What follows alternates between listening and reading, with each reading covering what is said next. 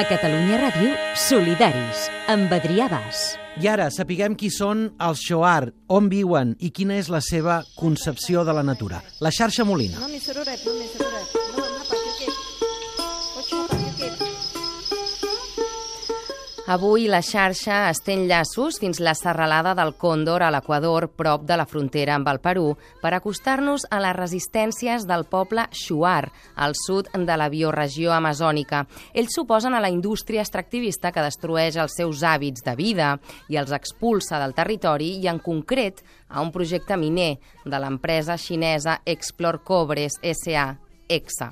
El govern equatorià va concedir l'explotació del territori a l'empresa xinesa sense realitzar consulta prèvia a les comunitats afectades en aquesta zona on es troba la segona mina de coure més gran del món. Nosotros pedimos enérgicamente la compañía china EXA tiene que retirarse en territorio del pueblo Shuar. Diga lo que diga Rafael Correa, nosotros estamos al frente. No vamos a aflojar porque este es nuestro territorio y nuestra casa. Aquestes són les declaracions del líder Shuar Luis Tiwiram, recollides per organitzacions que recolzen les seves demandes. Nosaltres n'hem parlat amb Ivonne Yáñez, fundadora de l'organització equatoriana Acción Ecològica, entitat amb 30 anys d'història que va visitar Catalunya en el marc d'una campanya de solidaritat internacional per evitar un procés de tancament d'acció ecològica per part del govern de l'Equador, que finalment no ha prosperat. La acción ecológica se convierte finalmente en una organización un poco incómoda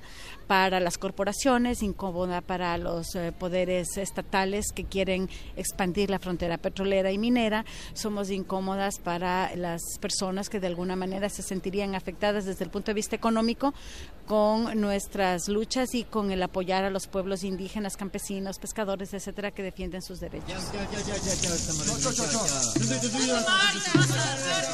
El pueblo Shuar desde hace muchos años ha sido sujeto de la invasión de sus territorios, pero sobre todo en los últimos años en el territorio de este pueblo indígena amazónico del Ecuador, lo que está ocurriendo es la expansión minera con varios proyectos eh, de hecho, en el Ecuador se ac- firmó hace pocos años el primer contrato para una minería de cielo abierto y es en territorio Shuar.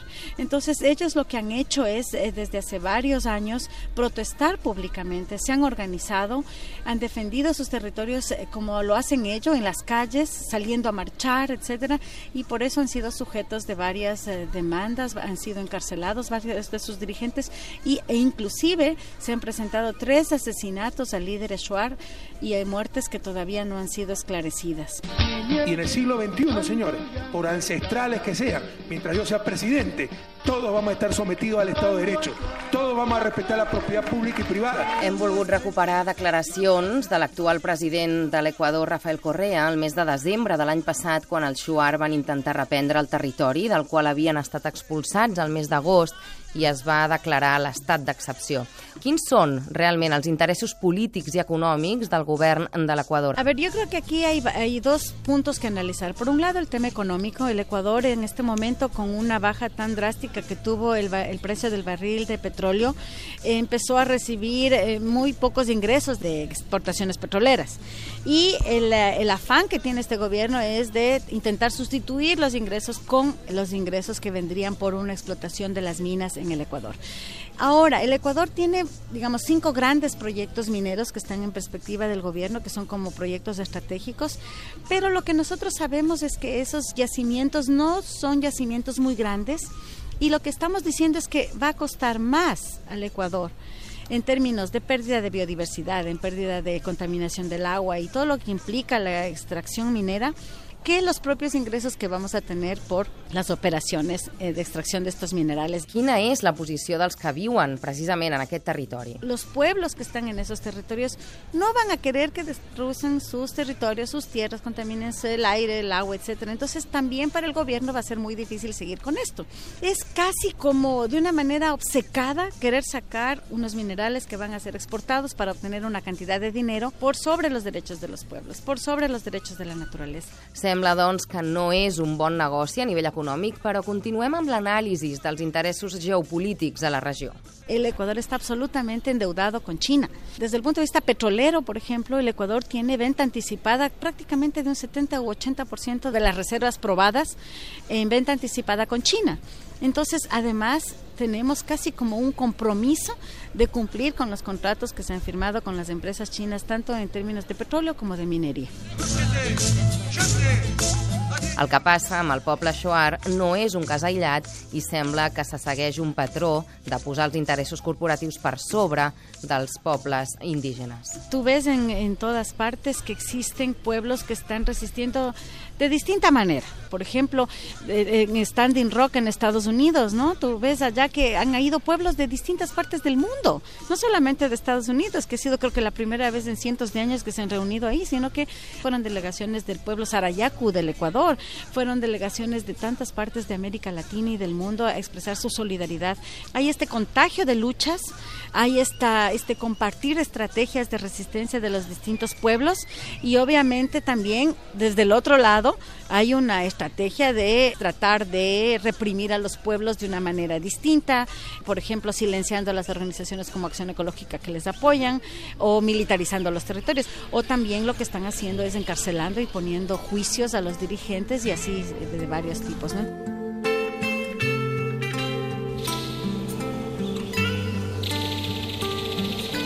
Es continuen traçant xarxes de solidaritat entre els pobles indígenes a Amèrica i contagiant lluites i estratègies de resistència entre els defensors i defensores del territori mentre la repressió continua. Yo como síndico y como pueblo que represento como un líder, nosotros hacemos una llamada a nivel nacional e internacional que estas, yo enérgicamente demando a Rafael Correa las actuaciones del presidente. Porque así el país no, eh, no busca el desarrollo. De lo que él habla, que es desarrollo, fuente de trabajo, que ha acabado, ha acabado 80% de la pobreza del campo. Eso no acabó, sino sigue siendo más pobre, pobre a, la Amazonía, solo en ciudad, en Quito, Guayaquil, tal vez ellos están desarrollando.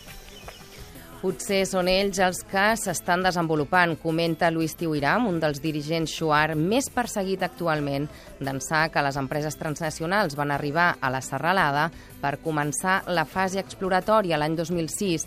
Han mort tres persones Shuar en context d'enfrontament o assassinades per la seva posició del lideratge. Totes les morts segueixen impunes. Podeu seguir les diferents campanyes en defensa del territori del poble Shuar a través de l'etiqueta SOS Pueblo Shuar.